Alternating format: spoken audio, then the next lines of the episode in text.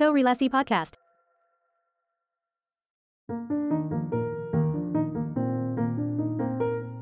Halo, kita ketemu lagi di podcast korelasi, satu obrolan podcast yang berupaya mengkorelasikan arsitektur dengan berbagai macam aspek dalam kehidupan.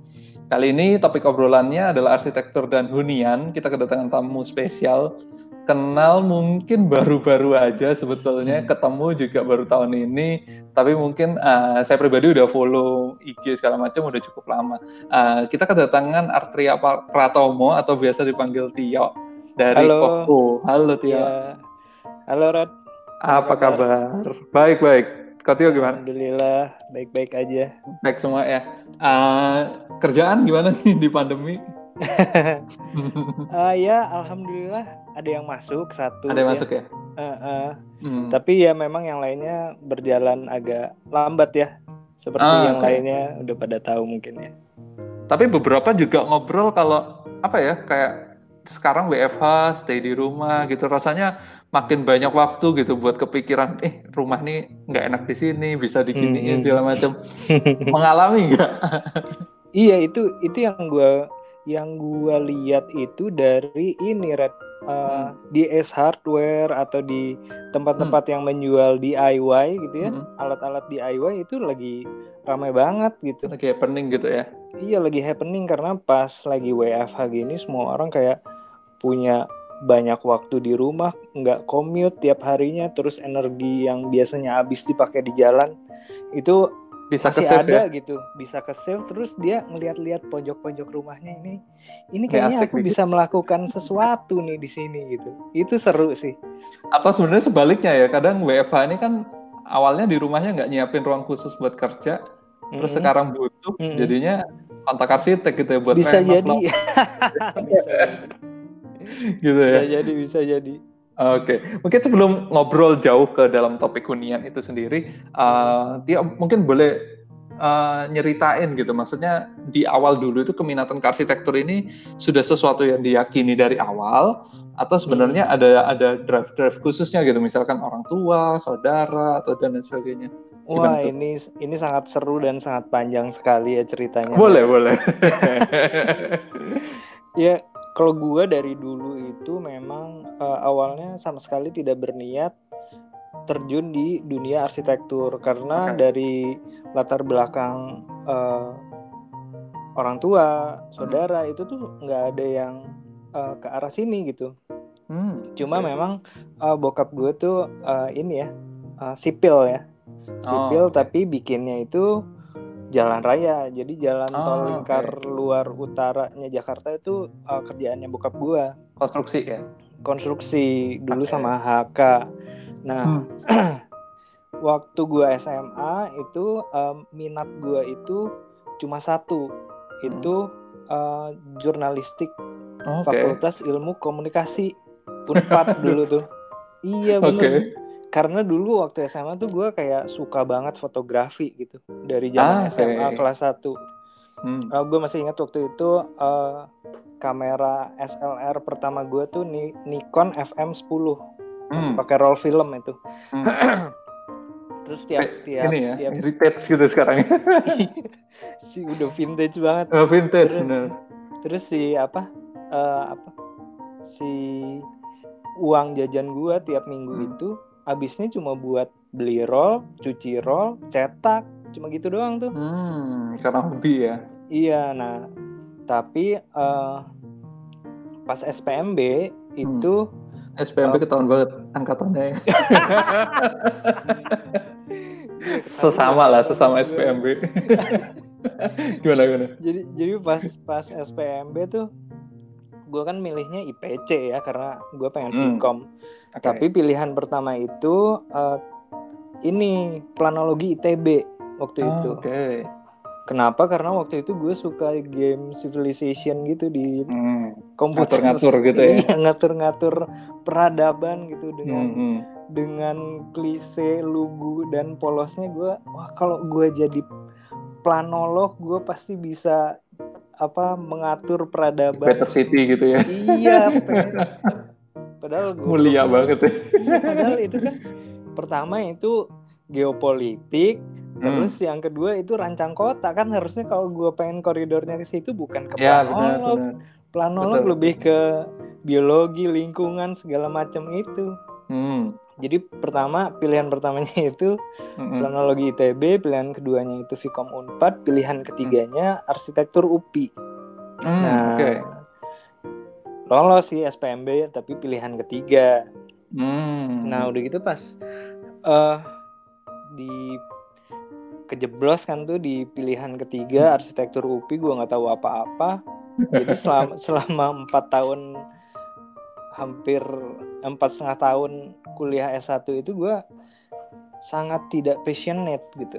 Ah, Nggak tahu nemuin enaknya gitu ya. Iya, jadi Hmm. oke gue tahu eh, gue tahu arsitek yang Hmm. yang ba- baik waktu itu ya menurut gue ya itu Hmm. yang seperti apa Hmm.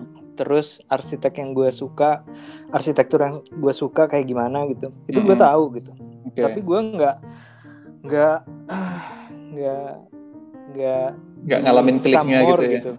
iya nggak nggak kayak oh gue ngulik ini gue cari tahu gitu enggak ya? Iya gue nggak nggak traveling ke mana buat melihat arsitektur apa gitu itu tuh enggak jadi kalau gue Oke. dibandingin sama peers gue sekarang jadi eh, anak-anak biro lain gitu ya Hmm. itu kan mereka dari S1 semester 3 tuh kayak udah ke Eropa terus ngelihat karya-karyanya Herzog and the Meuron karyanya Oma gitu gue tuh emang nggak ke situ sama sekali Ren. Wow, wawasannya nggak nyampe situ gitu ya. iya karena gue emang nggak nggak niat dan Ah. nggak tahu gitu Ah, oke. tapi, tapi setelah uh, dalam perjalanannya Hmm. uh, ketika S1 itu uh, tentu saja gue berteman dengan beberapa orang ya Oke. yang ternyata punya ketertarikan lebih di bidang arsitektur dibandingkan dengan gue gitu Hmm, dan oke. itu tuh menjadi uh, menjadi sobat gue waktu itu ya oh, oh. nah pas circle utama gitu ya rasanya. iya inner circle gue tuh Ya. kayak ah ini nih arsitektur yang bagus ngomongnya arsitektur mulu gitu ya Terus gue yang- gitu. Ya, terus gue yang tadinya nggak nggak tertarik tuh kayak mulai pelan-pelan ya. gini ya oh gini ya oh, Ah, seru juga ya gitu Ya, ya. udah gitu ketika lulus kebetulan kita lulusnya bareng waktu itu Hmm. Eh, ini dia somehow gitu ya Hmm. eh, melanjutkan ke eh, S2 ITB Hmm. Nah, di situ gue kayak langsung apa ya? Eh, rasa nggak mau kalah, rasa Pacu gitu iri ya? gitu ya. Eh, eh, itu karena gue tahu gitu eh, kapabilitas gue dan dia tuh nggak beda jauh gitu. Hmm, see. Jadi dia masuk eh, gelombang dia diterima di gelombang dua. Terus Ah, ah. ada teman-teman gue satu lagi itu dia bahkan tanpa gue tahu ya dia udah diterima dan masuk ketika gelombang pertama dibuka. Hmm. Wah, gue kan makin panas dong ya. Wah, ini dua inner circle gue kok.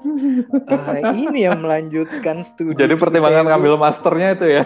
Iya, jadi pertama-tama itu, Red. Oke. Nah, udah gitu gue langsung, wah, ini masih ada nggak ya gelombang tiga? Pokoknya kalau gue Hmm. gelombang tiga masih dibuka, Ambil ya. langsung gue daftar. Oke. Nah, dan itu yang gue lakukan dan Hmm. alhamdulillah lang- keterima. Hmm. Dan langsung di semester, awal semester berikutnya tuh langsung kuliah bareng mereka.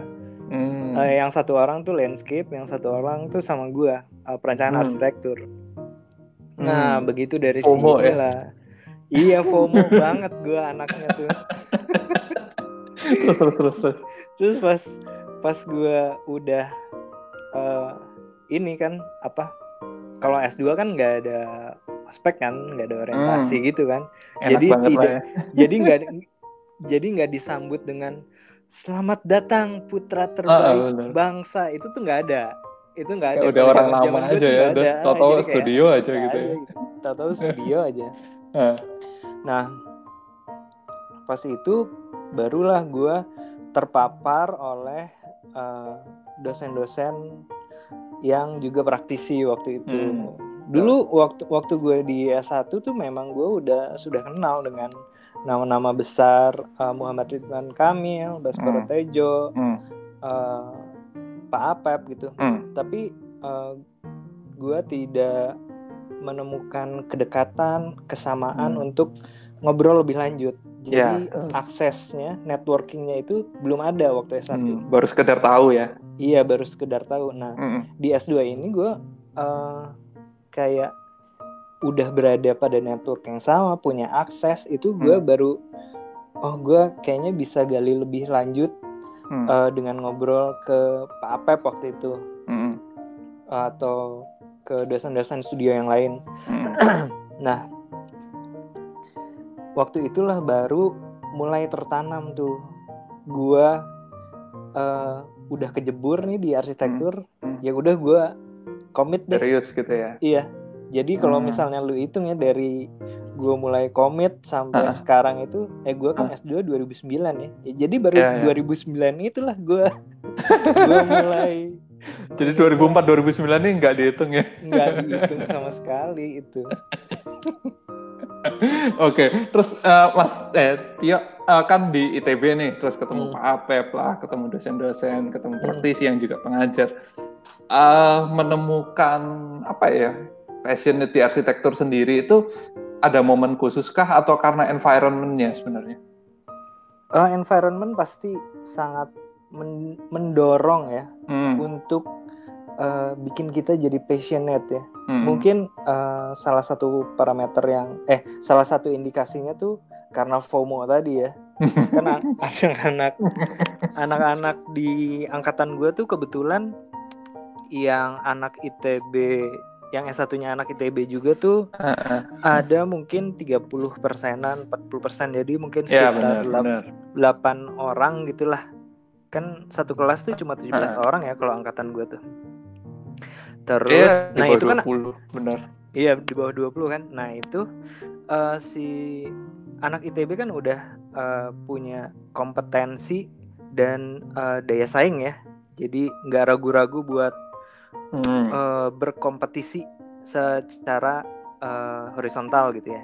Udah bisa nah, meta dosennya juga kan iya mereka, betul ya? betul sekali Nah yang lebih kalau di angkatan gue itu ada satu lulusan EE, ada yang pernah uh, praktisi bekerja di Airmas, terus uh, pokoknya hmm. next level banget deh dari S1 gue ke S2.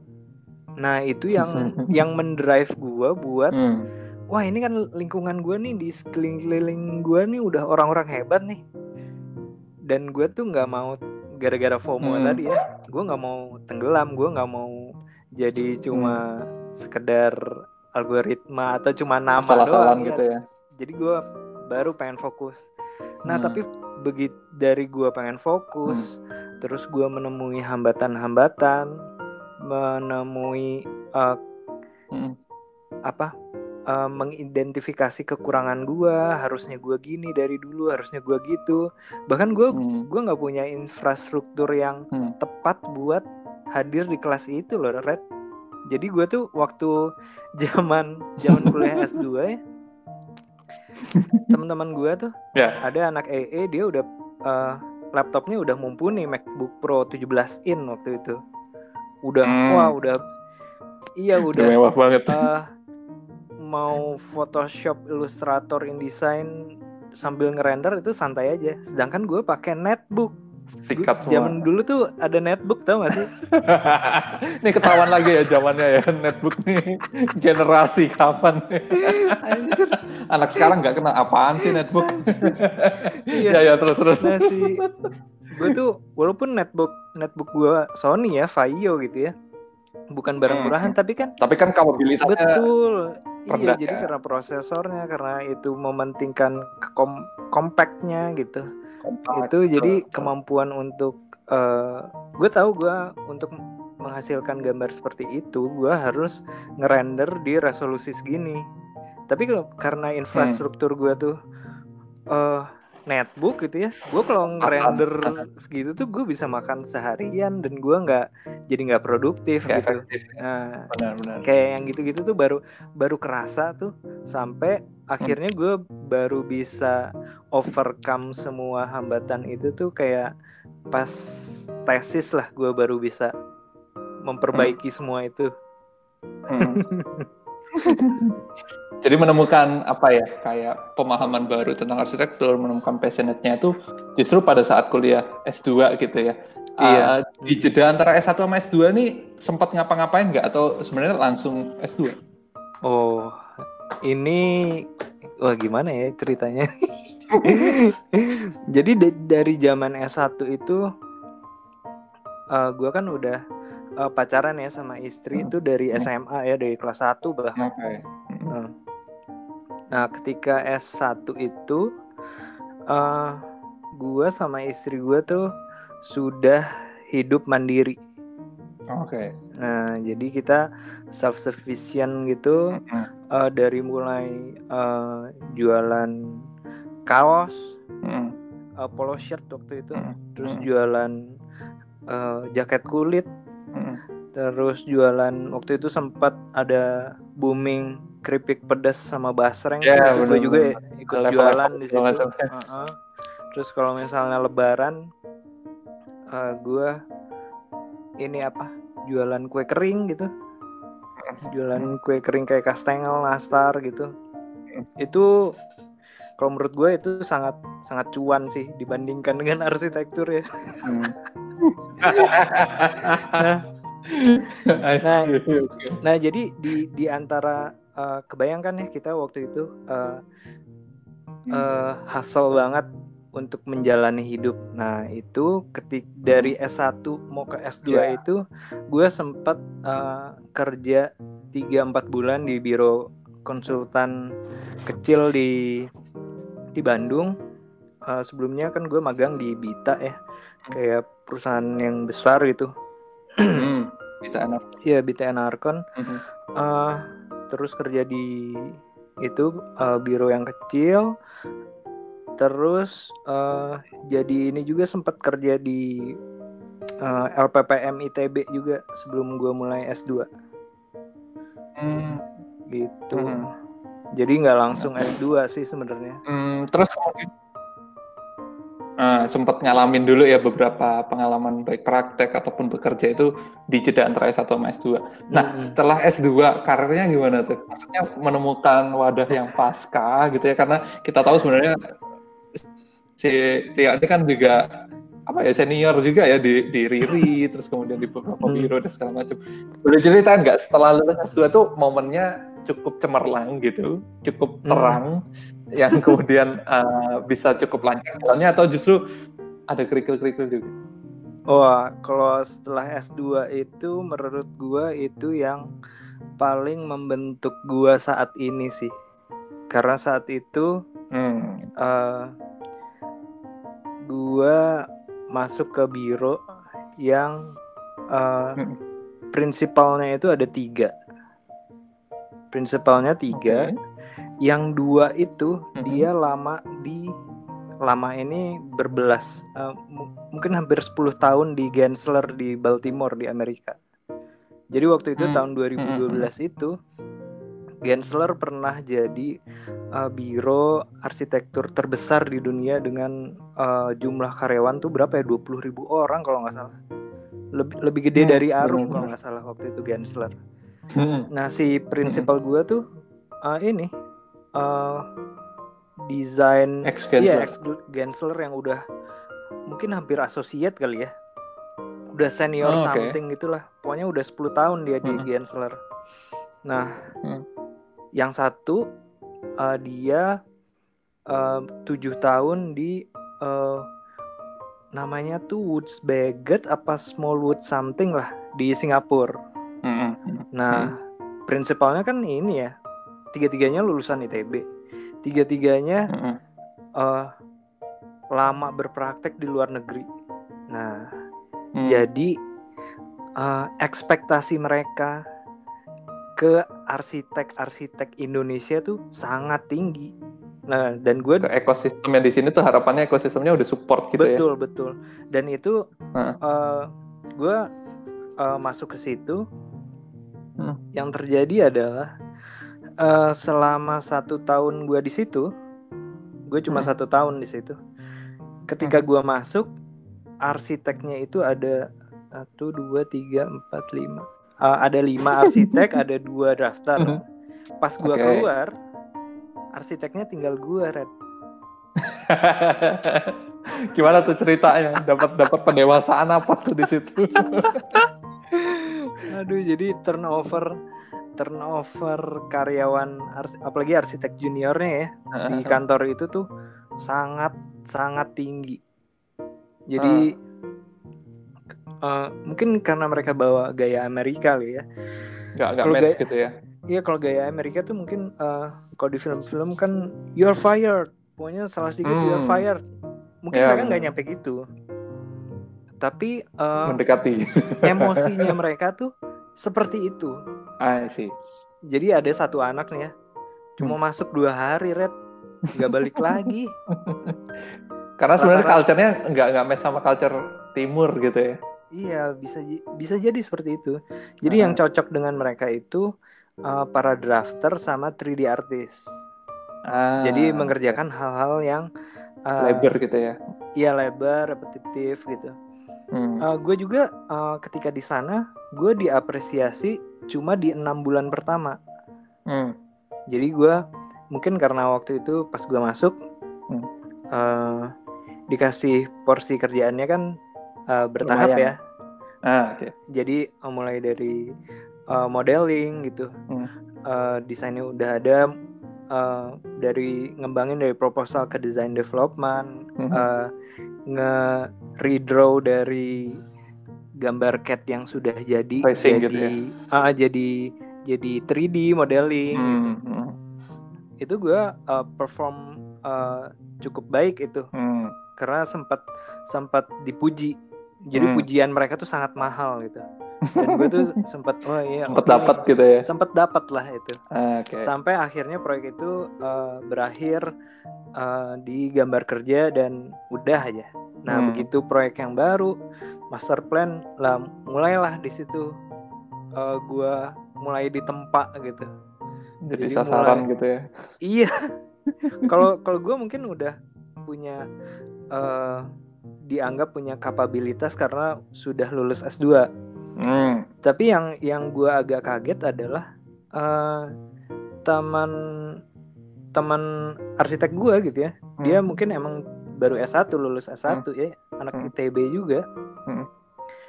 Itu wah dimarah-marahin, Red. Jadi kayak dimaki-maki gitu karena kesalahan yang eh, di jadi dia overlook eh, dimensi gitu. Jadi Ah. dimensi itu tuh harusnya uh, kalau misalnya ada lengkungan gitu ya di Hmm. se- di gambar kerja yang Hmm. dihitung uh, radius dan titik tengahnya dong ke arah Betul, grid ya. Nah, betul. tapi kalau si anak S1 ini yang dia ukur adalah perimeternya, kelilingnya. Nah, itu kan kayak dari Over jadinya. Iya dari 100 gambar ya masa itu dimarahin dan itu tuh kayak dijadikan wah bahan bully sih Ah, Oke, tuh. kesalahan kecil tapi di diungkit-ungkit berkali-kali gitu ya. diungkit berkali-kali terus Hmm. pernah juga suatu kali ada eh, kesalahan si anak S1 nih Hmm. dia salah bikin presentasi Hmm. eh, terus dimaki-maki sama si prinsipal tuh dia bilangnya gini nih "Eh, kamu jangan bikin saya kelihatan tolol di depan klien ya gitu ya ampun Wah, Kasar itu banget ya. iya itu kayak borderline ini kan ab- abusive kan sebenarnya Ah, benar-benar. Jatuhnya udah udah attacking gitu ya. iya walaupun kata-katanya tuh eh, legal ya kalau menurut gue Hmm, betul Kan betul betul. itu kan itu kan dia nggak bilang kalau kamu dasar tolol nggak nggak bilang gitu kan Hmm, tapi hmm. dia bilangnya adalah kamu jangan langsung gitu ya. saya kelihatan tolol di depan klien Hmm, I see, I see.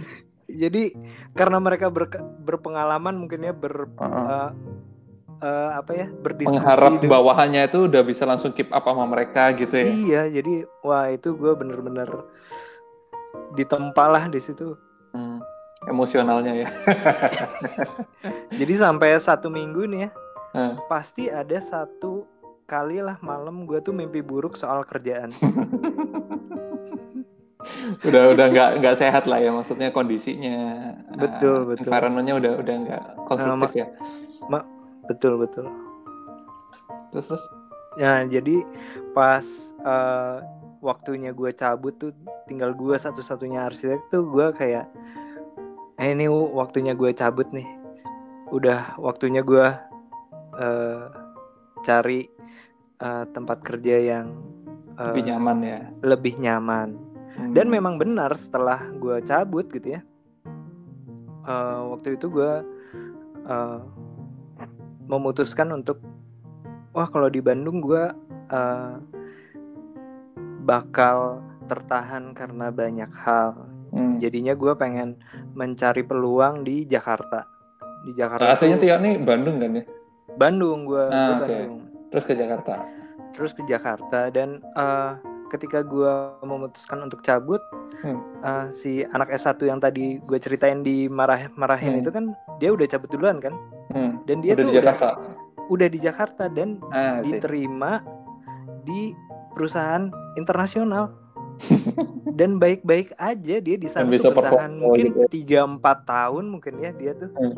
jadi baik-baik aja dia tuh nggak bermasalah secara kompetensi sebenarnya kan hal-hal kayak... minor gitu dikasih tahu juga tinggal dibenerin kan sebenarnya iya tapi ini tuh kayak dibawa emosi gitu Red ya ya ya terus terus terus nah terus uh, begitu gue memutuskan untuk ke Jakarta barulah hmm. gue ini mendata biro-biro uh, bukan biro yang besar ya waktu itu gue hmm. uh, meliriknya karena gue hmm.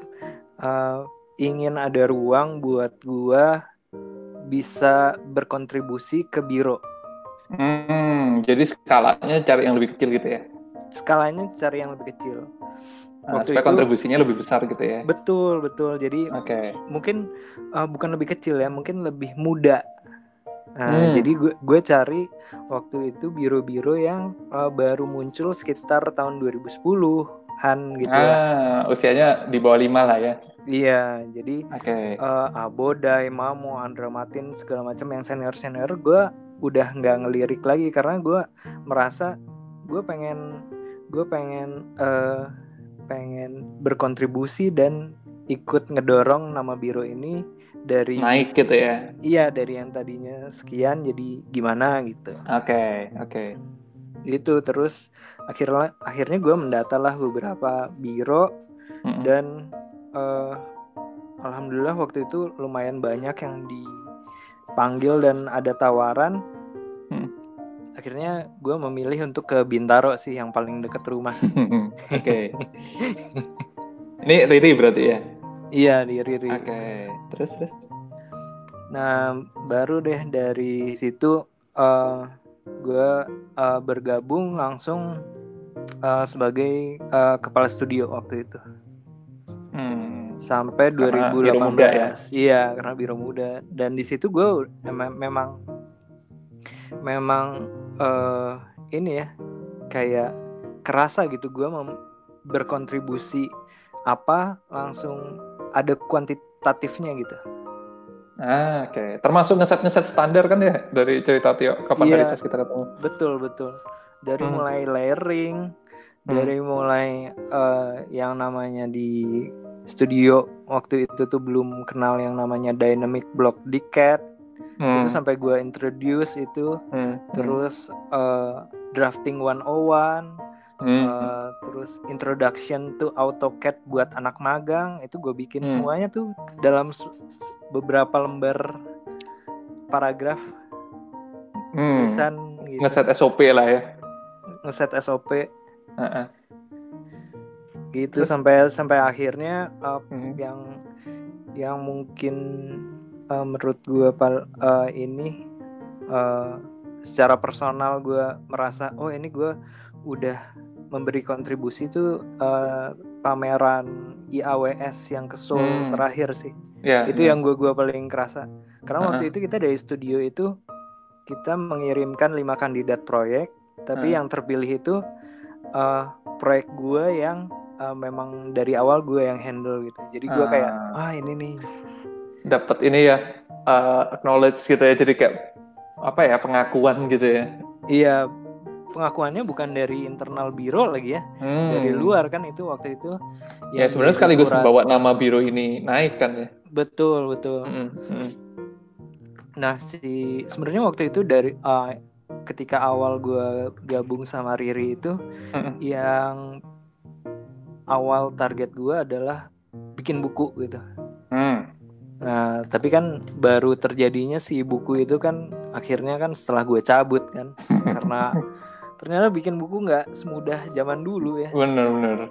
Banyak ini ya konten-kontennya, terus eh, ngemasnya segala macam Hmm. ya. Betul. Oke. Terus kemudian eh, dari Riri itu langsung ke terakhir ya ke Koh ini ya. Iya. Hmm, Oke. Eh, kan tadi ceritanya dari kantor yang apa ya, yang environment-nya nggak gitu konstruktif, terus kemudian cari kantor yang skalanya lebih kecil atau lebih mudah, di mana kontribusinya bisa naik gitu. Eh, terus eh, kemudian kan kalau beberapa orang memilih saat sudah jadi senior dalam tanda kutip di kantor yang emerging gitu ya, Mm. ya udah stay aja gitu. Nah ini kemudian melepaskan diri untuk me- meng-create biro baru Iya. atas nama sendiri itu ada pertimbangannya? Pertimbangannya banyak sih waktu itu. Hmm. Eh, jadi gue merasa eh, ada batasan-batasan yang memang eh, tidak bisa gue langkahin secara fitrah gitu. Jadi- Hmm. Jadi misalnya eh, wak- waktu itu belum ada mekanisme buat naik jadi associate atau eh, belum bisa naik jadi partner atau even associate di Riri waktu itu. Hmm, mentok lah ya. Iya, jadi kayak eh, wah ini gue gue selalu eh, memberikan lebih waktu itu. Jadi kayak Hmm. eh, semua standar-standar, semua eh, check drawing itu kan Hmm, hmm. itu kan semua kan eh, pasti gue dal- dalam koridor yang bisa gue awasin kan. Hmm, hmm. eh itu tuh mulai mulai kerasa batasannya ketika eh, pas gua bawa proyek gitu untuk Hmm. dibawa ke studio tuh eh, belum belum ada yang ini belum ada yang bisa diterima gitu. Hmm, Gitu, maksudnya ini nggak sekedar staff gitu ya, tapi juga nyari pekerjaan gitu ya untuk si biro Betul, ini betul. gitu ya. Dan Iya, itu belum ada yang masuk gitu ya. Betul. Jadi eh, sebenarnya gua berpikir kalau misalnya, oh gua kalau gue dapet proyek sendiri gitu ya, ya gue Hmm. moonwalking aja. Tapi karena Hmm. gua selalu memberi 110% gitu ya, Hmm, gue kayak fokus gue gitu di ya. sini 110% terus gue moonwalking gue kap gue nggak punya hidup dong Iya benar-benar. benar. jadi jadi gue gua pengen bawa ini eh, secara legal ke kantor gitu dengan eh, perhitungan dan pembagian yang eh, jelas cuma yang, waktu itu gitu ya. eh, waktu itu belum belum Terwadahi eh, ya? belum terwadahi Oke.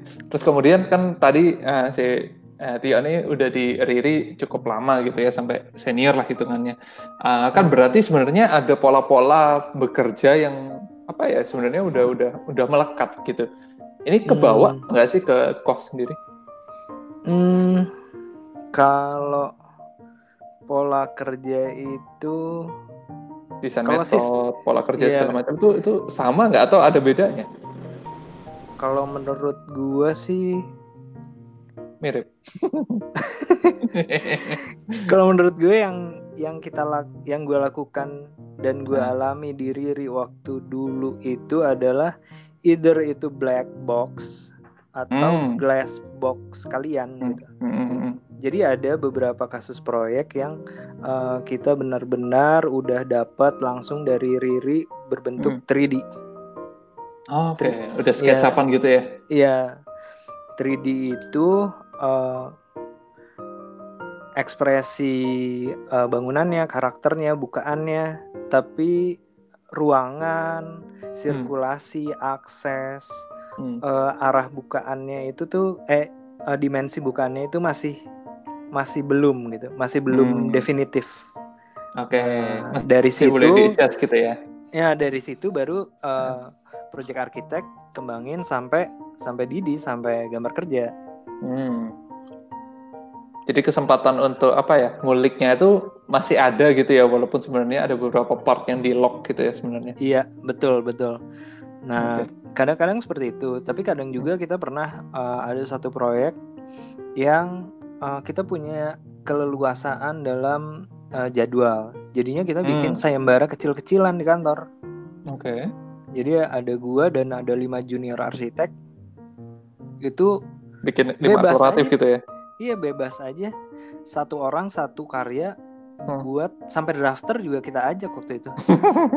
iya buat mengeluarkan karyanya kita push Hmm. waktu itu. Terus Oke. eh, Jurinya siapa tuh? Nah, jurinya juga bukan abal-abal ya. Jurinya tuh eh, si Mondoni dari Medan sama Ah. Mas Ren. Ah, see. ya, ya, ya, ya, ya. Jadi dari sekian itu ada ada persaingan gitu ya di dalam internalnya kantor sendiri supaya apa ya tetap muter gitu idenya ya. Ya cuma waktu itu doang sih, cuma satu itu doang. Oh, satu Kalau kesempatan kalau kalau kalau di eh, di waktu-waktu biasa sih kita sangat sangat kekeluargaan ya kalau waktu Hmm. dulu ya di Hmm. studio Riri dulu. Hmm. Nah makanya uh, ketika sekarang gue berpraktek sendiri itu gue uh, gue sekarang uh, staff yang project base itu dua mungkin ya. Hmm. Nah itu uh, belum belum terbaca sih Red. Apakah Hmm. gue mirip? Apakah uh, nggak mirip gitu ya? Tapi kalau Hmm. kalau gue sih merasa eh ada sih garis-garis garis-garis keputusan desain tuh yang ini kok mirip karyanya yang dulu ya itu. Ah, tapi ya nggak bisa dipungkiri lah. Maksudnya kan dulu uh, kontribusinya lumayan gede yang sebenarnya udah blend kan nih kat- Hmm. uh, karakternya Mas Riri atau Tio gitu. Karena Hmm. udah udah blend jadi satu kan prosesnya kan nyampur gitu. Iya iya. Nah, Saat sekarang udah udah split, udah resign kan sebenarnya mungkin beberapa kebiasaan itu masih masih dilakukan gitu ya. Mm-mm. Dan itu tuh eh, kayak eh, gua tuh tidak menghindari tapi juga tidak sengaja ah dimirip-miripin nggak gitu juga. Cuma Ah. itu tuh kayak tiba-tiba nih ya gue Ah. udah melakukan analisa eh selubung eh, material, MEP, energi air, massa, Ah. konteks. Hmm. Udah nih ya, semua udah nih. Begitu masuk ke 3D, pasang-pasang material, yang keluar tuh kayak karakternya, loh kok mirip yang itu ya gitu. Bawah sadar lah ya saudara. ya. Iya, jadi kayak konteksnya tuh karena berpikir logis konteksnya itu Ah, eh, nggak berubah mungkinnya dari dulu. ah sih. Jadi kok Karena gini metodenya gitu. sama gitu ya, jadi outputnya terasa sama walaupun konteksnya lain-lain, tapi menanggapi konteks dengan metode yang sama itu keluarannya bisa terbaca senada gitu ya sebetulnya. ya. Iya. Kalau kalau gue sih emang mem- apa ngelihatnya gitu ya. Oh, ini Ah. kayaknya mirip gitu ya. Terus terus ada yang lucu juga sih sebenarnya. Ah, Eh, banyak yang anak-anak di grup gitu ya. Hmm. Grup-grup bayangan, grup grup gosip WhatsApp atau di DM Instagram tuh kayak Ah.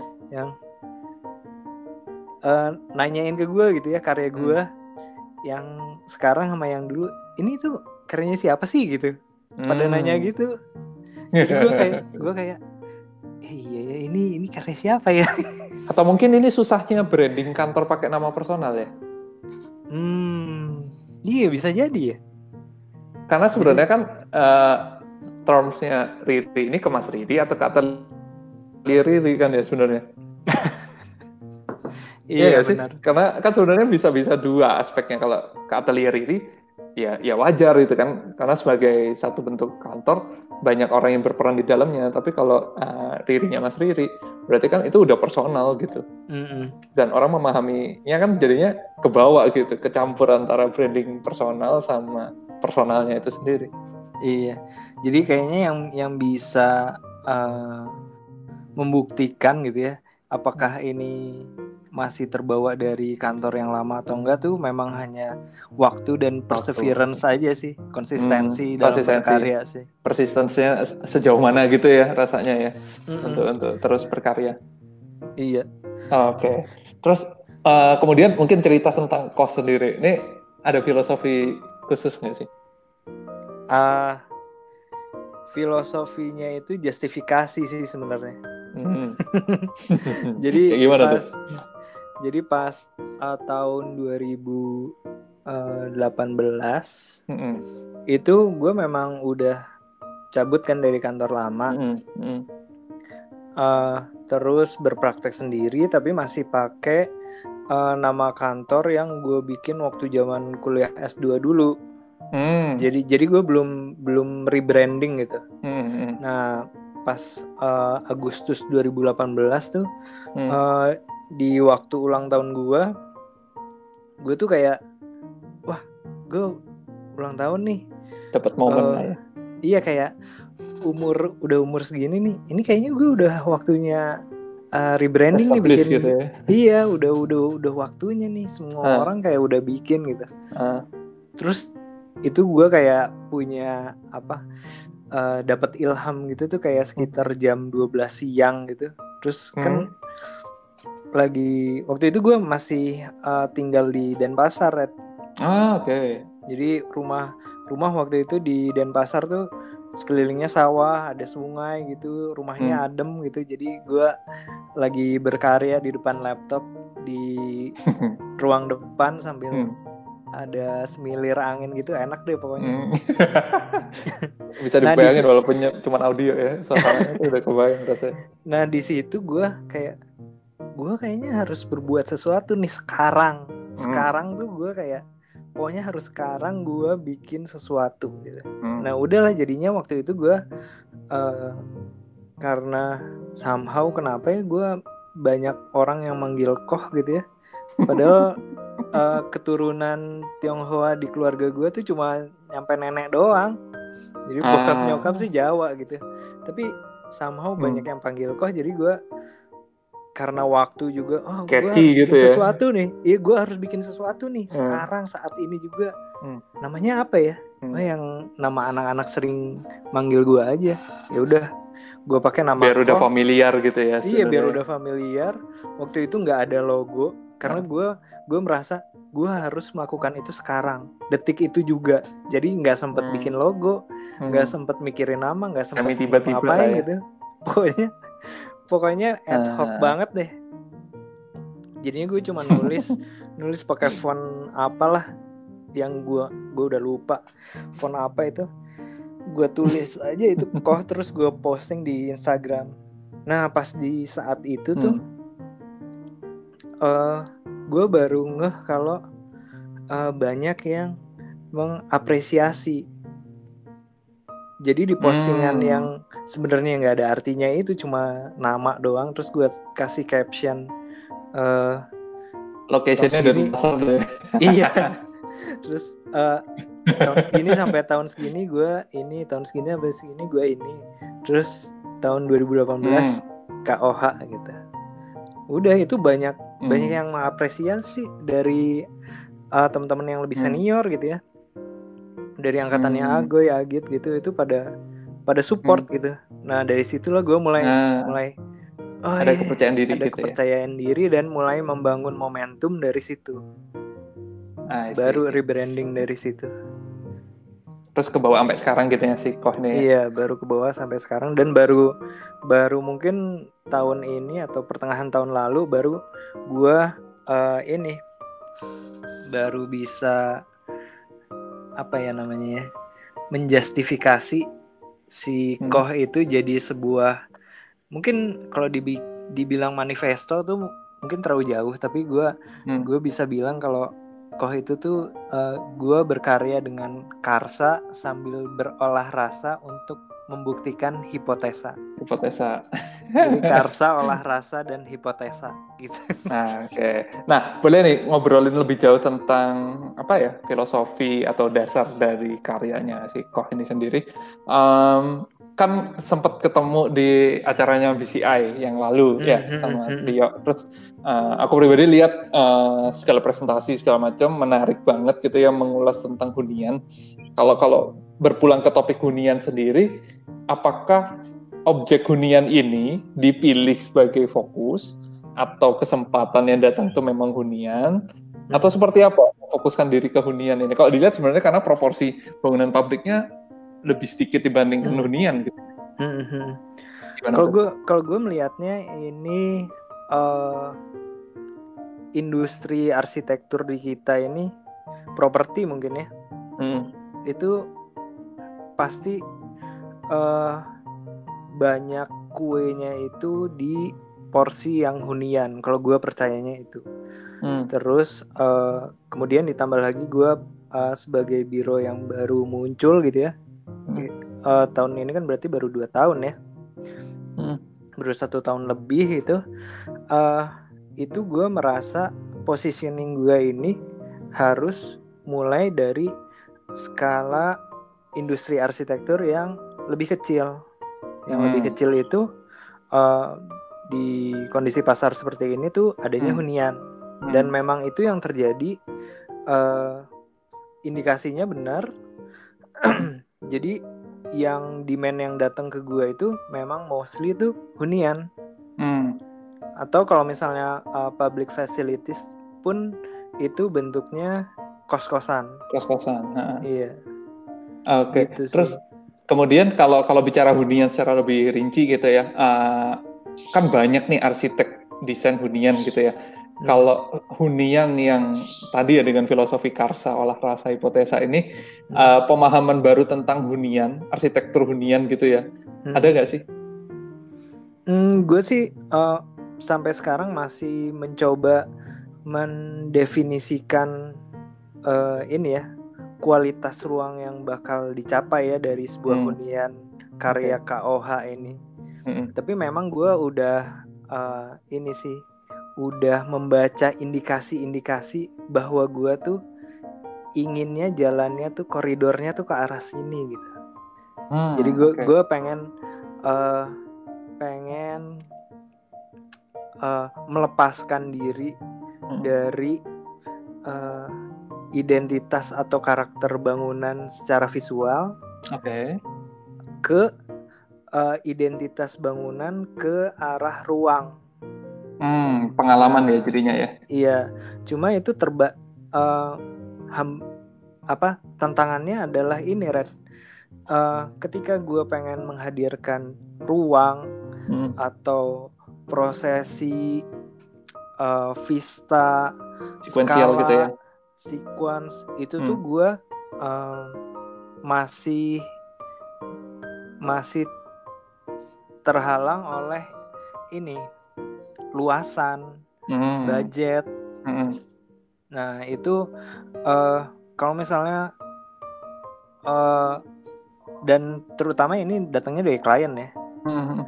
kalau kalau gue percaya sih klien itu kayak eh, apa ya cerminan pribadi kita jadi kalau misalnya Hmm. eh, gue nih ya eh, gue berkarya seperti ini Hmm. dapat kliennya itu yang kurang lebih bakal seperti itu juga Ah, karena sebenarnya terfilter ya. Yang yang nggak match juga bakalan mundur gitu ya. betul betul nah makanya dengan eh, gue pengen melepaskan diri ke arah eh, identitas bangunan ke arah yang lebih meruang itu gue harus Mm-mm. menaikkan level diri gue sendiri. Jadi Hmm. waktu itu, jadi gue pernah baca waktu itu eh, almarhum Juhara juga pernah eh, merasakan ini gitu. Almarhum Juhara sama Yusing Hmm. dulu dua-duanya terkenal dengan eh, arsitek rumah murah gitu. Hmm. Karena brand yang muncul itu arsitek rumah murah, Hmm. jadi yang datang ke mereka itu yang berbondong-bondong datang ke mereka itu tuh yang mengincar segmen Target itu pasar gitu yang ya? itu iya Hmm. Dan itu tuh mereka kayak butuh eh, bertahun-tahun untuk melepaskan itu sampai akhirnya sekarang ke kelas yang mereka sekarang gitu Hmm. Yang yang next level gitu ya. Mm-mm. jadi mungkin dulu using masih masih Genesis dulu ya Hmm, hmm, Eh, benar-benar. terus Genesis terus sempat using baru akhirnya Akanoma. sekarang Akanoma kan Hmm. kalau eh, juara almarhum juara kan eh, karena Mbak Wendy perannya juga sangat besar itu juga akhirnya bisa overcome tantangan itu kan nah Hmm. itu yang yang gue pengen eh, pengen coba pengen coba lakukan nih sekarang. Oke, okay. proses itu yang yang yang sekarang sedang berjalan di kos sendiri ya, melepaskan hmm. identitas yang visual sebenarnya lebih fokus ke uh, kualitas ruang, pengalaman ruang dan lain sebagainya gitu ya. Uh, hmm. Padahal sebenarnya gini, kan orang melihat jasa kita itu kan berdasarkan karya yang sudah kita hasilkan hmm. uh, dan karya ini kan sebenarnya kalau mau diurutkan terlihatnya pasti satu ya kayak buku lah satu pasti hmm. sampul kedua baru isinya sedangkan hmm. pengalaman ini kan sebenarnya sesuatu yang nggak bisa cukup visual doang tapi mesti merasakan Betul. berada di sana merasakan uh, apa ya aspek di luar visual lainnya ya skala hmm. proporsi angin matahari cahaya dan kawan-kawannya gimana tuh? Maksudnya susah nggak sih untuk untuk mengambil identitas yang sebenarnya non visual itu sendiri? Betul, itu pasti semua semua arsitek yang sudah sangat senior tuh berkata kalau praktek di berkarya di arsitektur itu butuh kesabaran. Oke. Okay. Jadi waktu itu pernah uh, Pak Budiman uh, DCM, DCM. Hmm. pernah ngasih materi kalau misalnya kamu mau jadi arsitek dia waktu itu uh, kalau nggak salah gue masih kuliah ya waktu itu. Mm -hmm. uh, jadi kamu mau jadi arsitek uh, oke okay, bagus uh, tapi cari pasangan banker atau lawyer katanya. Untuk support ya. Untuk support. betul. Untuk financial support. Hmm, karena nggak nggak bisa jalan gitu ya. Karena untuk uh, berkarya uh, berkarya yang pakai hati punya, gitu ya. Iya punya pakai hati, punya rasa yang lebih dalam itu kita perlu ketenangan dalam hidup. Hmm. Kita perlu kita perlu perlu ajak dulu dalam hidup. Nggak hmm. perlu uh, mikirin yang lain-lain, nggak perlu hmm. mikirin uh, bisa bayar listrik enggak bulan yeah. ini atau apalagi kalau makan besok masih pusing itu akan sangat butuh kesabaran yang tinggi buat berkarya yang baik di arsitektur. Ya, lebih cepat jadi lebih baik gitu ya rasanya ya si karya ini biar biar turun fee segala macam gitu ya. Iya, iya hmm. betul. Nah, itu gimana betul. tuh? Betul Dapet makanya. istri lawyer atau terus terus terus jadinya uh, apa waktu itu uh, ya cuma ketawa aja sih waktu hmm. itu hmm. karena belum mengalami gitu. hmm. tapi kalau kalau sekarang sih uh, kalau sekarang kan godaan uh, angkatan kita kan ini ya apa lifestyle ya betul selama kita masih bisa menekan lifestyle sih gue uh, gue percaya sih kita masih bisa bertahan dan uh, sabar sampai akhirnya karya kita tuh uh, berbuah dan uh, menggulingkan si bola salju ini buat jadi karya-karya yang lebih baik ke depannya sih. I see. Uh, kesempatan dari objek residensial ini terbuka nggak sih atau sebenarnya butuh butuh di luar residensial? Hmm, kalau menurut gua sih itu bakal berkembang secara organik ya. Oke. Okay. Jadi ketika kita sudah membuktikan, kan orang kan perlu ini ya, perlu uh, untuk uh, berkarya hmm. itu uh, perlu mungkin orang harus investasi uh, uangnya buat jadi rumah gitu ya. Hmm. Nah itu mereka tuh butuh kepercayaan. Kepercayaan itu dibangun dengan uh, pembuktian. Hmm. Dan pembuktian ini memang kalau nggak waktu, ya portofolio yang Build, sudah ya. dilakukan itu yang yang bisa dipegang sama mereka. Hmm. Makanya Karena uh, dana mereka untuk hunian ini kan sebenarnya proporsinya cukup besar ya dari saving mereka betul, yang akan betul. diinvest untuk jadi hunian ini sendiri gitu. Setuju, setuju. Makanya nggak heran kalau misalnya beberapa biro-biro uh, besar yang lahir pada tahun 2005-an gitu ya, hmm. pertengahan tahun 2005 kayak Urban ya, Bodai hmm. uh, dan yang lain-lainnya itu hmm.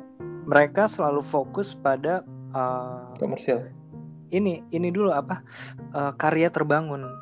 Betul betul. Uh, jadi untuk pembuktian dulu ya. iya apa pun proyeknya uh, pokoknya build. pokoknya dibangun.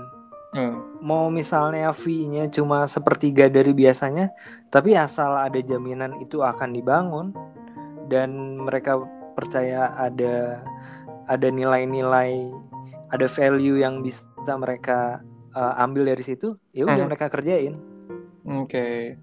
Karena ibaratnya kayak bikin fondasi dulu gitu ya Iya itu itu itu yang sangat yang gue sangat setuju dan gue coba lakukan sih sekarang Red. Oh, Oke, okay. nah, ini proses menuju sana gitu ya. Tapi uh, fokus objeknya lebih ke residensial karena yang datang kesempatan segala macam lebih fokus ke sana.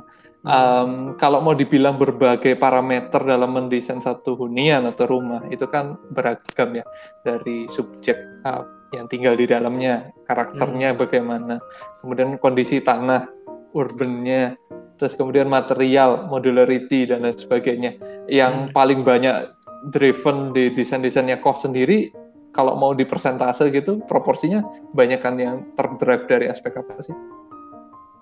Hmm, yang pasti dominan itu klien sih. Oke. Okay. Kalau gue ya, klien hmm. itu kan berarti dia konteks anggaran, konteks lokasi itu udah udah sangat hmm. mendominasi di situ. Kunci banget ya. Uh, langsung kunci banget. Hmm. Uh, sisanya kayak uh, konteks lingkungan tem uh, tapaknya, masa, kulit, ruang, MEP, material itu udah uh, mengikuti drive awal klien tadi. I see. Nah, kemudian saat objek hunian ini kan tadi uh, Tio juga bilang ini investasi udah saving terbesar yang mereka bisa spend untuk create hunian uh, ideal yang mereka harapkan gitu ya. Hmm. Um, tadi yang yang mendrive adalah karakter, uh, kondisi utama dari si klien apa pun yang melekat sama dia dan segala macam. Uh, ada jadi ada apa ya kayak penahannya nggak sih? Soalnya kan kesannya ini ini udah all out nggak boleh main-main jadinya harus tepat guna segala macam ada ada unsur penahan itunya nggak? Hmm, kalau kalau dari gue sendiri sih nggak ada ya. Jadi gue gue selalu hmm. uh, apa ya selalu pokoknya ini tuh uh, terus gue juga kalau misalnya menyajikan sebuah uh, keputusan desain ke klien itu nggak pakai alternatif red jadi ini gue yakin ini adalah yang terbaik hmm. gitu jadi kalau kalau kalau misalnya gue kasih alternatif gitu ya itu kan berarti kan gue sebenarnya uh, mengamini iya gue mengamini kalau sebenarnya kalau yang ini tuh agak lebih bagus dari yang ini tapi yang ininya gini kalau gue gua ngasih alternatif itu ke klien kan berarti gue uh, ngasih Sama tugas ke klien sih. ngasih tugas ke klien buat dia hmm. mikir kan which is nggak fair ya, menurut gue nah okay. uh, si uh, tadi apa ya ngobrolin apa ya kita? Ada ada penahannya nggak? Soalnya kan ini invest invest mereka yang cukup besar. Iya, kita iya. harus menjamin uangnya ter terspend dengan baik untuk hmm. bisa efisien, efektif. Uh, sedangkan arsitektur yang mau apa ya jadi pembuktian segala macam tadi terhadap eksplorasi kan nggak bisa dibatasi yang terlalu gimana gimana gitu sama aspek-aspek itu. Iya, iya. kalau yang yang paling uh, gua coba uh, redam sih ego sih. Hmm. Ego sama uh, tapi sebenarnya ego nih uh, gimana ya berkembang uh, hmm. tumbuhnya lebih pesat atau enggak tuh tergantung ini sih tergantung kita punya ilmu baru atau enggak. Hmm. Jadi ketika gue punya gue menyerap ilmu gitu ya gue baca bukunya Antoniades gue baca hmm. bukunya Mamo berulang-ulang gitu ya hmm. gue punya satu keyakinan gitu ya ini pasti hmm. bisa gitu ya Hmm. dan gue yakin gitu ya tanpa bermaksud hmm. eksperimental ke karya gue duit klien iya tanpa bermaksud eksperimental dengan duit klien itu gue hmm. gue yakinkan dan gue verifikasi ke kontraktor pasti ah oke okay. itu jaminan ya sebenarnya iya. walaupun sebenarnya eksplorasi yang kita lakukan tapi uh, masih dalam koridor yang tanda kutip aman gitu ya untuk investasi mereka betul betul dan itu memang itu uh, yang gue pikir dari hasil diskusi gue dengan teman-teman dengan teman-teman yang lebih senior gitu ya uh. itu tuh memang yang itulah yang terjadi di dunia industri arsitektur gitu.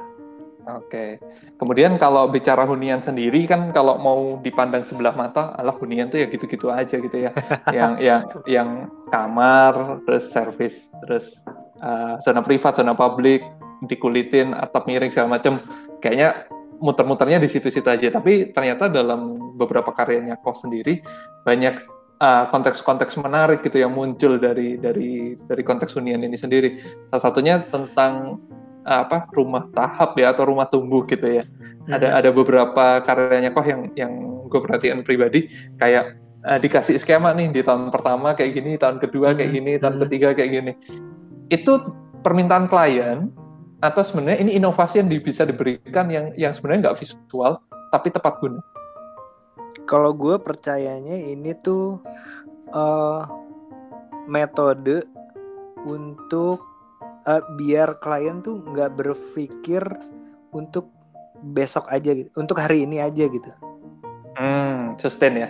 Iya, jadi uh, nah. gue percaya kalau arsitektur yang baik itu, at hmm. least dia bertahan 40 tahun. Puluhan tahun betul. Iya, jadi kita uh, Sedangkan uh, kita umur uh, rata-rata umur manusia berapa sih? Mungkin 80 tahun gitu ya. Hmm, 70 80. Nah, di di di rentang sepanjang waktu itu tuh banyak sekali yang bisa terjadi. Betul. Anak yang tadinya satu bisa jadi dua, bisa jadi tiga. Mobil Betul. yang tadinya satu bisa jadi nambah koleksinya. Mobil, mobil yang tadinya city car jadi SUV gitu. Iya. atau sam atau kayak sekarang nih pandemi yang terjadi saat ini uh, yang tadinya, kerja tiba-tiba gitu ya yang tadinya nggak bu ngapain sih gue di rumah nggak pernah kerja tapi sekarang uh. harus kerja di rumah betul betul atau pulang betul. pulang dari luar gitu ya masuk ke hmm. rumah harus cuci tangan hmm. harus desinfektan hmm. naruh naruh sepatu naruh jaket naruh segala macam hmm. tas dari luar itu ditaruh di mana biasanya di mana sekarang di mana betul betul nah betul. itu yang itu yang coba gue akomodir hmm. uh, di uh, ya mungkin bisa dibilang di metode gue ya hmm. Tapi biasanya kalau yang uh, lu bilang tadi red yang tahapan-tahapan tadi itu hmm. uh, gue mencoba mengakomodir uh, keterbatasan anggaran dari klien dana ya budget ya. iya jadi gue selalu bilang uh, kita uh, hidup di negara Indonesia hmm. di negara tropis hmm. kita kita nggak pernah butuh dinding kita nggak pernah butuh tembok hmm. yang kita butuhkan cuma naungan ya yeah. kita butuh naungan dan uh, batasan visual akses dan visual Privacy, ya? exposure ya? iya uh. itu aja itu yang kita pegang makanya uh. di tiap karya gue gue selalu uh, fokus oke okay, uh, uangnya cuma segini ya udah kita fokus di atap dan di tempat-tempat yang memang esensial. Hmm. Jadi begitu kita udah fokus di di kulit bangunannya, di atap dan di selubungnya, hmm. ke ke depannya kita bisa bertumbuh ke dalam. Jadi tumbuh hmm. ke dalam. Gitu. Oke, okay. karena disiapkan memang untuk bertumbuh itu sendiri ya. Iya, dengan bertumbuh ke dalam juga kita kita nggak perlu repot-repot uh, kayak kalau misalnya yang yang terjadi banyak banget sekarang tuh oh ya udah kita uh, bikin rumah lantai satunya dulu lantai duanya di dak aja nantinya bisa jadi ruangan nantinya, gitu ya nantinya ditumbuh ke atas gitu kalau menurut gue itu uh, agak keliru, ya? terbalik ya? gitu itu hmm. agak keliru karena orang tuh uh, untuk meng mengekstrut bangunan yang tadinya satu lantai jadi dua lantai gitu itu apalagi kalau beton itu kan banyak sekali pekerjaannya nanti pekerjaan rumahnya gak, juga ya iya rumahnya nggak bisa dihuni bener gak nyaman di proses expand ya iya pas di proses konstruksi selanjutnya jadi nggak nyaman hmm. tapi kalau kita tumbuh ke dalam apalagi dengan sistem drywall gitu ya hmm. yang yang selalu gue lakukan gitu ya hmm. di karya-karya gue pakai galvalum, gypsum, GRC hmm. atau multiplex gitu hmm. itu dengan dengan tiga empat orang tuh udah udah bisa jalan dan nggak mengganggu kenyamanan hunian. Jadi pekerjaan untuk membagi privasi yang di kebutuhan selanjutnya itu nggak sampai jadi pekerjaan basah gitu ya masih masih hmm. pekerjaan kering yang menjamin kenyamanan orang yang tinggal di dalam proses itu sebenarnya. Iya itu yang gue percaya. Ah, Oke. Okay. Kemudian kalau kalau bicara hunian sendiri kan tadi kebutuhannya berkembang, tapi bisa diantisipasi sama Tio sendiri uh, dengan metode bertumbuh ke dalam itu tadi menarik. Uh, jadi bikin aja selubung besarnya hmm, total betul. di awal, tapi kemudian hmm. adjustment adjustmentnya itu terjadi di dalam gitu ya. Betul. Dan sel uh, dan selama pertumbuhan itu ya hmm. itu itu kita bisa gue percaya kita bisa mengalami ruang-ruang yang baru di rumah kita yang sama. sudah lama gitu iya di rumah yang sama gitu nah, jadi misalnya kita bikin selubungnya menarik. gitu ya kita uh. bikin selubung rumah tiga lantai gitu ya kita bikin hmm. selubung kamar doang di lantai tiga udah gitu hmm. di dalamnya kan kita bisa uh, seiring berjalannya waktu kita bisa kumpulin duit kita hmm. bisa bikin mezanin dulu hmm. Hmm. lantainya dulu bikin hmm. railing itu hmm. udah pengalaman ruang yang baru padahal di okay. di rumah yang sama itu nah pertanyaan selanjutnya adalah kalau rumah ini tumbuh berarti kan hmm. kan prosesnya kita nggak bisa kunci berapa tahun gitu ya karena tumbuhnya hmm. bisa aja di tahun kesekian dan lain sebagainya hmm. pengawasannya gimana tuh masih dilakukan servisnya sepanjang itu hmm. atau sebenarnya ya udah skemanya segala macam skenario dikasih di awal kalau nanti hmm. mau gini mau gitu segala macam ya udah pakai acuan itu gitu kalau yang gue lakukan sekarang adalah gue uh, ngasih semuanya di awal Oke. Okay. Jadi skema uh, konstruksinya pakai hmm. baja, hmm. uh, pakai galvalum, uh, hmm. lantai GRC itu hmm. pertemuannya seperti apa, pengembangannya hmm. yang mana dulu itu selalu gue kasih di awal. Karena uh, pengawasan yang gue kasih kalau berdasarkan kontrak tuh cuma satu tahun ya. Oh, Oke, okay. dari tapi tanah kalau, nol ya? Iya dari tanah nol. Tapi kalau yang yang terjadi sekarang sih gue kayak uh, semangat gitu sih jadi kayak not, apa ya kayak nggak uh, untuk pengawasan biar ini si si karya gue nih benar-benar uh, tumbuh ya? berkembang sesuai sesuai yang direncanakan tuh uh, sesuai yang diharapkan tuh gue mau deh ini mau free dan mau bersusah-susah ya? iya gitu Uh, Oke. Okay. Uh, kemudian kalau kalau tadi uh, kan banyak kebutuhan yang organik ya sebenarnya karena hmm. butuhnya satu, padahal uh, dalam beberapa tahun ke depan butuhnya jadi tiga kamar segala macam. Um, apakah itu diidentifikasi dari awal saat proses apa ya asistensi atau uh, proses ngobrol gitu ya sama klien di hmm. awal? Itu hmm. diidentifikasi dari awal atau memang pola ini memang selalu dimajukan? Kalau ber, setiap bertemu dengan klien? Uh, eh, gue lihat-lihat kliennya sih. Hmm. Gue lihat-lihat kliennya. Hmm. Uh, eh, gue pernah dapat ada satu klien yang udah agak berumur. Hmm. Dia uh, ini uh, mantan direktur PTPN. Hmm. Jadi dia punya banyak akses ke kayu-kayu. Hmm. Nah di rumah-rumah kayunya ini gue bikin rumah panggung. Hmm itu nggak pakai konsep rumah tumbuh jadi hmm. udah fix semuanya hmm. semua udah uh, kenyamanan untuk uh, bapak-bapak umur 60 tahun gitu hmm. tapi kalau misalnya klien klien yang biasanya datang ke gue itu mostly kan masih seumuran atau baru umur 40 gitu keluarga baru gitu gitu ya iya jadi keluarga baru anaknya masih uh, masih satu baru satu uh, dua uh. masih kecil-kecil gitu uh. itu biasanya selalu gua gua tanyain sih di awal mau, mau konsep tumbuh mau, atau enggak gitu ya uh, uh, atau atau at least uh, yang paling pertama gua tanyain adalah ini rumahnya untuk dihuni sendiri atau mau disewain atau siapa yang menghuni di sini gitu Hmm, mau dalam berapa lama fase hidup gitu ya kalau hmm. mungkin belum berpasangan nanti sama pasangannya juga segala macam gitu ya. Iya, atau masih misalnya rumah ini tuh uh, jadi uh, pertamanya kita huni terus uh, tiga tahun uh, ke depan mau gue jual aja gitu. Ah, itu beda ya skenario. Iya, itu itu menurut gue pendekatannya sangat berbeda itu.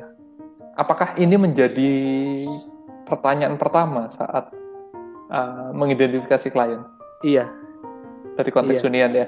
Iya. Jadi kayak ke kebergunaannya, berapa lama penggunaannya. Iya, iya. Ini ini tuh kayak uh, ini gue bikin ini tuh buat siapa gitu. Ini ah, gue bikin betul. ini tuh untuk apa gitu. Karena nggak selamanya itu... bisa perlu jadi masterpiece gitu ya sebenarnya. Iya, bener. Nggak semuanya kayak dipaksain. Oh, gue mau bikin. Kalau gue bingung deh anak-anak, uh, apalagi yang enak S1 gitu atau yang baru lulus tuh pengennya tuh bikin karya yang ikonik monumental uh, gitu itu tuh hmm. gue kayak Oh, kok gini ya? Tapi sebenarnya itu kan proses sih ya, karena kalau nggak mengalami itu dulu nggak bisa sampai di tingkat dewasa yang kayak gini. kan. Ah iya. Oh bijak juga ya lu.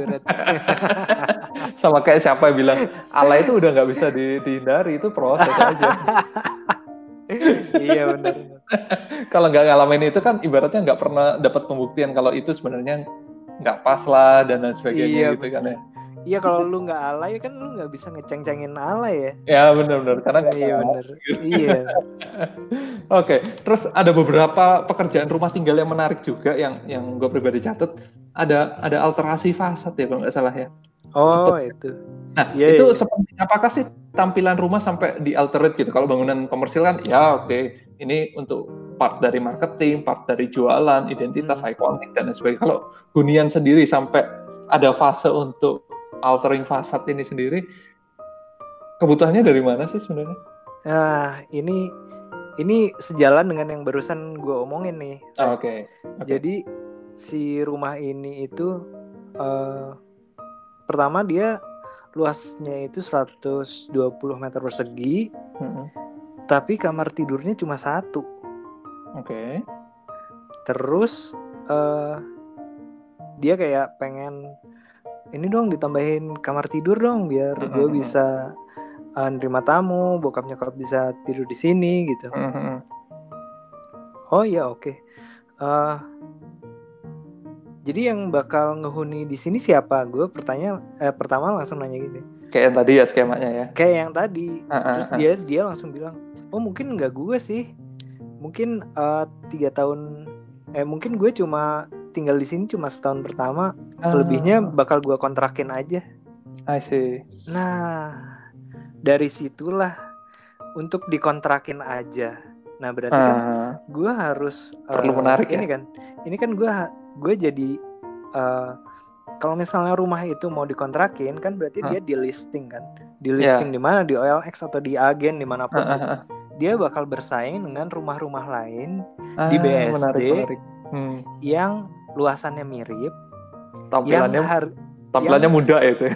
iya yang yang harganya mungkin eh, harga sewanya setahun mungkin 60 juta gitu 60 70 80 sekitar, sekitar itu nah itu ini tuh gimana caranya biar gue tuh overcome itu biar gue Hmm. bisa bisa nyewain ini tuh di harga 100 juta Hmm. nah caranya ruang kamar tidurnya lebih banyak Oke.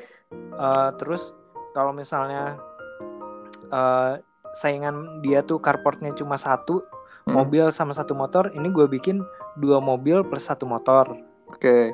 nah kayak yang pokoknya sesuatu yang bisa dikuantitatifkan Hmm. Jadi kalau di di list gitu ya Iya, deskripsinya selalu seperti itu ya. iya Parkir sekian, kamar sekian, kamar Iya, mandi kan gitu sekian kan. gitu ya. Walaupun kalau- sebenarnya jumlah itu nggak sebanding sama kualitas gitu ya. iya bener Terus jadi kalau kalau di OLX tuh eh tiga kamar tidur dua kamar Hmm. mandi hmm, eh, luas gini harga segini hmm. udah gitu pas muncul fotonya wah gitu kan ya salam gitu Ya. ya gimana caranya kalau misalnya kita eh, adu adu cantik gitu ya Hmm. beauty contest gitu ya itu kan eh, balik lagi ke preferensi kesukaan orang masing-masing kan ada yang Oke. suka klasik ada yang suka Modern. Cosmo ada yang suka kontemporer ada yang suka Hmm. tropis Ya. macam-macam Hmm. tapi kalau lu eh, lu tulis Hmm. berdasarkan kuantitatif ini kamar tidurnya tiga ini kamar tidurnya dua Udah kalah ya. udah kalah yang dua dengan misalnya harga sama gitu ya I pasti milihnya yang tiga kamar tidur Walaupun sebenarnya nggak butuh juga tiga kamar tidur, tapi lebih banyak lebih untung gitu ya. iya Sama kayak ini ya, mobil makin bagus tuh ya makin muat orang banyak gitu ya. iya benar Padahal yang lebih bagus mungkin Paling isinya lima orang gitu ya. Tapi yang isi tujuh lebih banyak dibeli gitu ya. Walaupun anggota keluarganya mungkin cuma tiga, cuma Iya. empat gitu ya. oh, bener bener Hmm. banget karena itu itu kayak karakter karakter masyarakat kita lah tidak Iya, bisa dipungkiri lah kita itu ya. Heeh. Hmm. Terus kalau bicara rumah sendiri kan ada konteks renovasi nih. T- eh, kayak tadi ya di alterate fasadnya segala macam. Uh, kalau konteks renovasi itu kan berarti kita terbatas gitu ya untuk menuangkan pemikiran kita, menuangkan karya kita segala macam. Hmm. Uh, kan akan jadi sulit gitu. Jadi contoh misalkan kita renov, hmm. terus kemudian karena part yang ini itu udah nggak bisa diapa-apain. Contoh misalkan kamar mandi terjepit yang nggak bisa dapat akses udara uh, cahaya alami, tapi hmm. karena budget segala macam itu udah nggak bisa di diutik lagi. Uh, hmm. Kan berarti ada part yang flow gitu ya di dalam keseluruhan desain itu, walaupun itu bukan peran kita uh, hmm. membentuk si, apa terjadinya si flow ini. Uh, masih diakui sebagai proyek itu enggak karena mungkin nanti orang masuk ke dalam eh, ini kamar mandi di San City ini nggak enak banget gitu padahal itu kan sebenarnya sisanya renovasi gitu Iya kon ada konflik gitu ya. Uh. Kalau gue sih, kalau gue yang selama ini gue lakukan sih, uh, tetap gue posting ya. Asal asal dia ini ya, asal dia sudut itu uh, memenuhi standar visual gue gitu ya. Ah, oke. Okay oke aja deh. Hmm, karena karena uh, kar kar karena begitu misalnya gue gua publish gitu ya. Hmm. Itu tuh gue bisa bercerita. Kalau hmm. ini tuh uh, latar belakangnya itu seperti ini loh. Gitu ya. Narasinya seperti ini harus. Okay. Uh, kalau misalnya gue uh, punya kesempatan untuk melakukannya lagi, hmm. gue bakal ini gitu. Hmm. Jadi gue gue gue gue suka kemasannya itu. masih bisa lah ya dimainin. Iya, ya. jadi gue kayak uh, mungkin kalau kalau belajar dari keberhasilan uh, desain-desain yang sudah gue lakukan tuh mungkin hmm. bukan pembelajaran ya, tapi gue hmm. gue suka kayak sharing, bikin narasi dari bareng situ ya. dari kegagalan yang gue lakukan gitu. Ah, ini menarik nih. Karena sebenarnya nggak selamanya yang failed itu nggak bisa jadi pembelajaran yang positif gitu ya. Iya, iya betul, betul. Betul, betul, betul. Karena oh. pengalaman oh. itu kan salah satu guru yang paling baik kan. Hmm, Sedap. Ada acuan nggak mungkin buat teman-teman yang ingin mendalami di desain residential gitu ya? Hal-hal yang perlu banget dipetain di awal gitu. Hmm, sebenarnya ya mungkin banyak banyak kali ya arsitek lain yang lebih pas buat ngomongin hmm, ini. Dari Cuma kacamatanya. Kalau, misalnya dari gua, uh, pertama sih harus sabar sih. Hmm. Yang dan itu yang pertama gua ini ini tips ya. Hmm, Karena gua boleh. gua gua kayak merasa tertantang juga. Hmm. Karena gue selalu diuji gitu kesabarannya. Karena belum tentu Jadi momentum uh, masterpiece ini datang di awal-awal gitu ya. Iya. jadi jadi apalagi ketika uh, mungkin sabar itu bukan bukan sabar dalam uh, menunggu karya terbangun aja ya, tapi hmm. ketika menghadapi klien, hmm. ketika diskusi uh, gitu ya. Diskusi ketika uh, ide yang pengen kita aplikasikan itu terbentur berbagai macam hambatan itu tuh mm-hmm. ya harus sabar nah ini ini juga yang gue gue selalu coba inget-inget tiap mm. kali gue kayak kesel-kesel sendiri gitu mm. dan kalau misalnya lu udah sabar gitu ya mm. eh kalau lu udah sabar gitu ya mm. itu tapi lu punya harus punya modal lainnya jadi lu ah. harus suka dulu gitu oke okay.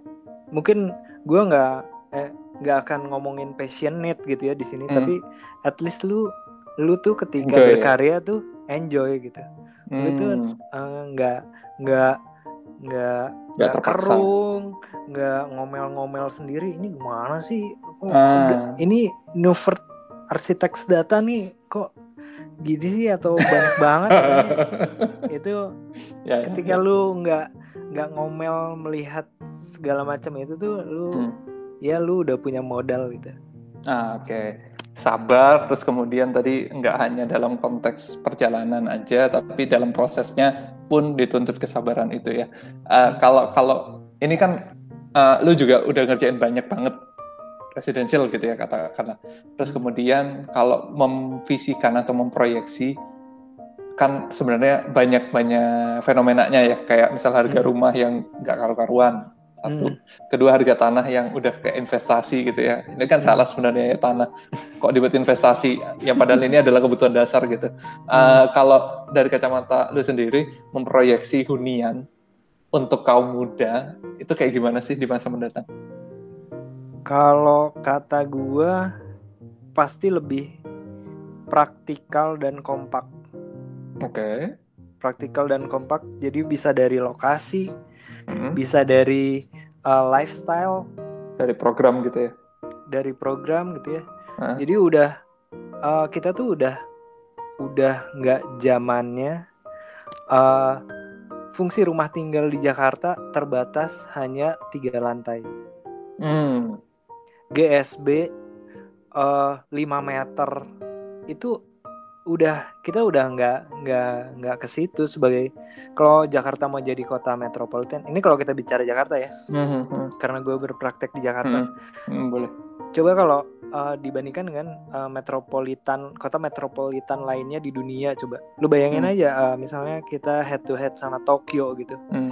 Tokyo rumah tinggal 6 lantai udah boleh. GSB 0 tapi areanya sempit gitu ya? Iya areanya Ah. sempit. Nggak masalah udah gitu. Yang gua sangat uh, uh, bermimpi gitu ya Hmm, hmm. strata title tiap lantai.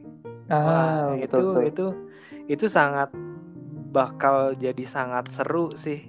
Ah, karena tiap lantai uh, kepemilikannya beda orang yang menghuninya beda hak dan kewajibannya terpisah beda. gitu ya iya kewajibannya terpisah itu bakal jadi seru sih kalau hunian udah mengarah ke situ oke jadi mungkin kata kuncinya verticality gitu ya terus Hmm. kemudian compactness density gitu ya. juga. Ah density terus kemudian apa simplifikasi program simplifikasi lifestyle yang Hmm. mungkin ruang-ruang yang dulunya dianggap butuh tapi dalam keseharian yang nggak pernah dipakai iya tereduksi dan segala macam gitu ya Oh, Um, Sedap rangkumannya nih. Jadi eh, mungkin itu beberapa visi-visi tentang rumah tinggal gitu ya. Eh, termasuk mungkin co-housing sendiri ya. Iya. Iya. Ya, Betul. kalau kalau pandangan lu sendiri tentang co-housing ini, Eh, eh, Sudah. itu istilah untuk tadi itu strata title yang per lantai segala macam itu match sama konsepsi co-housing. Iya kalau kalau co-housing yang saat ini ada itu dia masih eh sangat iya landed dan sangat ini ya.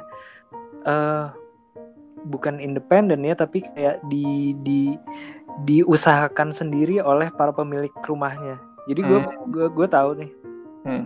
ada satu co-housing di Tangerang. Hmm. Dia itu uh, bikin PT Hmm. buat beli tanah. Hmm. Uh, terus tanahnya dibagi-bagi buat dibikin rumah dan itu tuh uh, kepemilikan bersama. Hmm. Dan untuk bisa jadi si tanah itu punya kepemilikan bersama, mereka tuh sampai harus bikin PT. Yang Hmm, sebenarnya agak legalnya ya. mubazir gitu. Buat apa lu bikin PT kalau cuma pengen uh, tanah itu benar-benar diakui bersama. secara legal bersama-sama gitu. Ah, Padahal biasa aja kayak kita beli rumah aja, akta jual beli dan sertifikat. ya. Karena susahnya mungkin nanti kalau terjadi kenapa-kenapa gitu ya, susah baginya segala macam ya. Hmm, hmm, betul betul. Kalau sekarang Nah. tuh masih masih belum bisa gitu. Regulasi yang ada tuh. Ada ada konsepsi yang miss nggak sih? Misalkan apakah co-housing ini sama dengan beli tanah besar di cacak-cacak gitu? Eh Atau atau itu itu sih- masih miss sebenarnya? eh, kalau kalau co-housing kan eh, kelebihannya adalah kita bisa milih tetangga, kita bisa mengkurasi lingkungan kita, which is Hmm. itu ya itu yang, menurut gue sangat eh, mewah ya. Hmm. Jadi kalau misalnya kita eh, bisa milih tetangga, bisa milih teman, bisa milih lingkungan gitu ya, anak kita tumbuh dan berkembang di lingkungan yang kita harapkan itu Hmm. bakal sangat mewah. Instead of kayak townhouse yang sekarang menjamur Jakarta, misalnya Ya betul. betul. beli beli tanah 400 meter persegi terus dijual per 50 meter persegi tanahnya. Ah, Semua orang bakal beli di situ. karena terus harga nggak- ya. Iya terus nggak jadi kelas eh, hunian cluster yang Curated diharapkan gitu. Heeh, nggak jadi Ah. curated lagi dia. Oke. Okay. Kunciannya co-hosting apa sih? Apakah share share land doang? Apa ada share facility atau yang kayak gimana sih? Share facility sih pasti. Yang itu sebenarnya environment jadi saat apa ya? Saat pencacahan tadi ya. Kan masing-masing punya ruang keluarga sendiri, masing-masing punya kamar mandi sendiri itu kan agak miskonsepsi ya. Hmm, iya iya benar. Oh benar juga ya. Istilah-istilahnya kan jadinya townhouse ya. Sebenarnya kalau misalnya uh, co-housing itu gue lebih lebih menangkapnya itu mm -hmm. dia berat ke arah neighborhoodnya. Oke. Okay. Bu bukan ke facilities as individual gitu. Hmm. Gitu gue percaya kalau misalnya dicacah ya. kayak townhouse biasa itu kan kayak komplek perumahan biasa aja apa bedanya gitu. Cuman modelnya lebih kecil aja gitu. modelnya lebih kecil, tidak berpagar gitu. Uh, belum belum nyampe ke semangat hidup bersamanya itu ya sebenarnya yeah. ya. Masih betul, masih sendiri sendiri. Betul, padahal hidup uh, secara guyup itu kan kayak uh, pola hidup masyarakat Indonesia kali ya dari dulu ya. Betul, betul. Dari zaman arsitektur vernakular gitu, rumah panjang, rumah rumah-rumah tradisional mana sih yang tidak dihuni lebih dari satu keluarga? Kan betul, semuanya kan multi keluarga kan itu. Betul betul betul. Uh, ini ini jadi jadi masa depan apa sebenarnya kita dengan individualistis yang makin tinggi ini ini jadi sulit tercapai gitu. Kalau menurut lo gimana? masih masih uh, optimis sih ke arah sana? Agak gimana ya? gue masih masih optimis sih tentang hidup uh, bersama. Ya? Mungkin ya? bukan hidup bersama ya, tapi hidup terkurasi kali ya. terkurasi benar. Jadi kalau misalnya uh, ada satu lahan gitu ya kita uh, ada beberapa orang memutuskan untuk uh, tumbuh berkembang di sana tuh bukan karena terpaksa ya. Karena terpaksa atau karena ah, karena adanya lu ya udah lu aja gitu bukan hmm. karena gitu tapi karena merasa uh, pandangan tentang hidupnya sama ide gagasan tentang masa depannya itu mirip-mirip nah itu hmm. mereka memutuskan untuk hidup bersama ya pasti individuality itu bakal ini sih bakal nggak ada ya betul, betul. di situ jadi sebenarnya kunciannya justru dari awal proses ya, bukan karena rumahnya jadi kemudian memilih orang. Justru dalam tahap pembangunannya juga perlu diskusi bersama dengan uh, curated neighborhood tadi itu sendiri gitu. Iya, iya benar curated neighborhood. Ya, Oke, okay, menarik, menarik. Oke, okay, uh, mungkin part-part terakhir ya, ya uh, sebelum kita tutup obrolan ini karena mungkin udah satu setengah jam juga. Um, oh, iya. Ada referensi nggak? Ada referensi nggak buat teman-teman yang uh, kan tadi tersebut tuh beberapa nama kota kayak Tokyo segala macam. Arsitektur-arsitektur residensial mana sih yang sebenarnya menurut lo pribadi udah cukup maju dan bisa dijadiin tolak ukur untuk referensi kita mendesain? Hmm, kalau misalnya uh, ingin uh, berkacanya pada konteks ya, hmm. konteks uh, kemajuan teknologi, material, lifestyle. Hmm. Hmm. itu pasti kota-kota besar di Jepang sih Oke. Okay. Itu Tokyo, Osaka, Kyoto itu uh, bahkan Kyoto. Kyoto kan kota lama ya. Mm-hmm. Kota lama yang uh, dulu sempat jadi ibu kotanya Jepang kan. Mm-hmm. Itu tuh dia uh, dinding terluar bangunannya, mm. rumah tinggal itu udah multiplex. Mm. Jadi uh, pelindungnya dari cuacanya itu tuh cuma cat doang.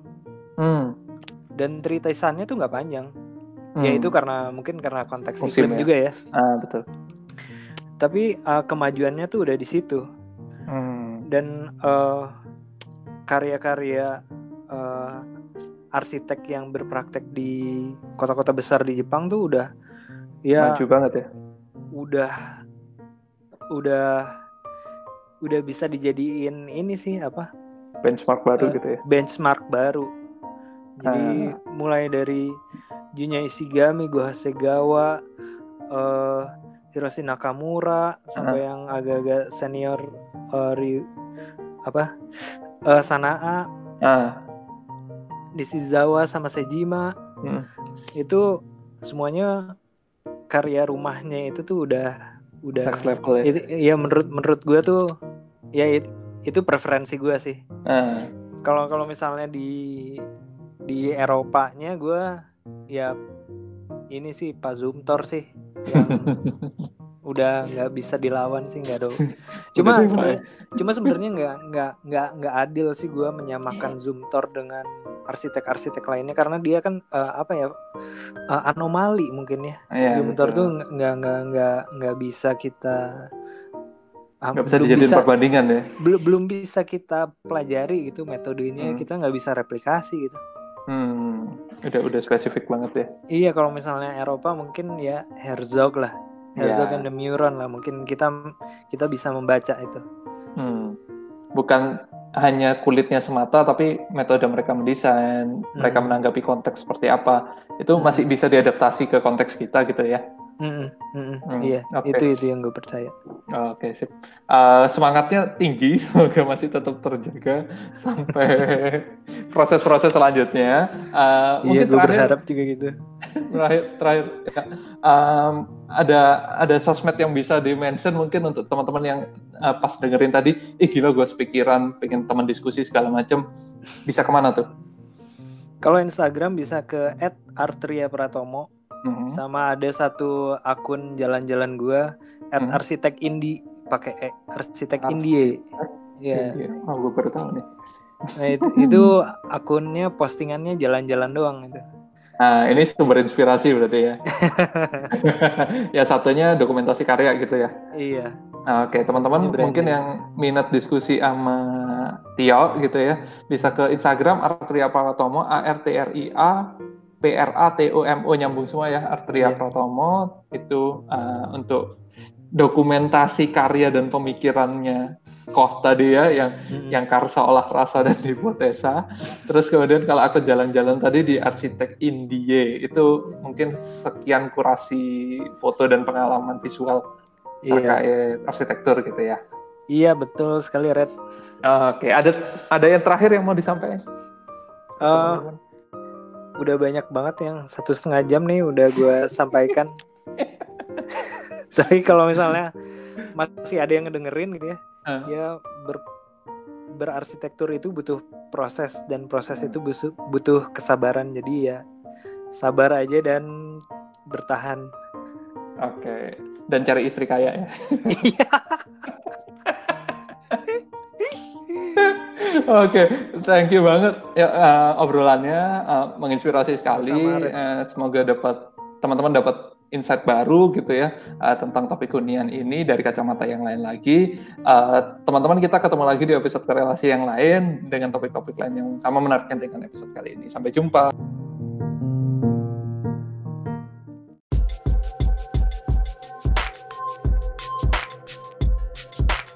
Thank you for listening.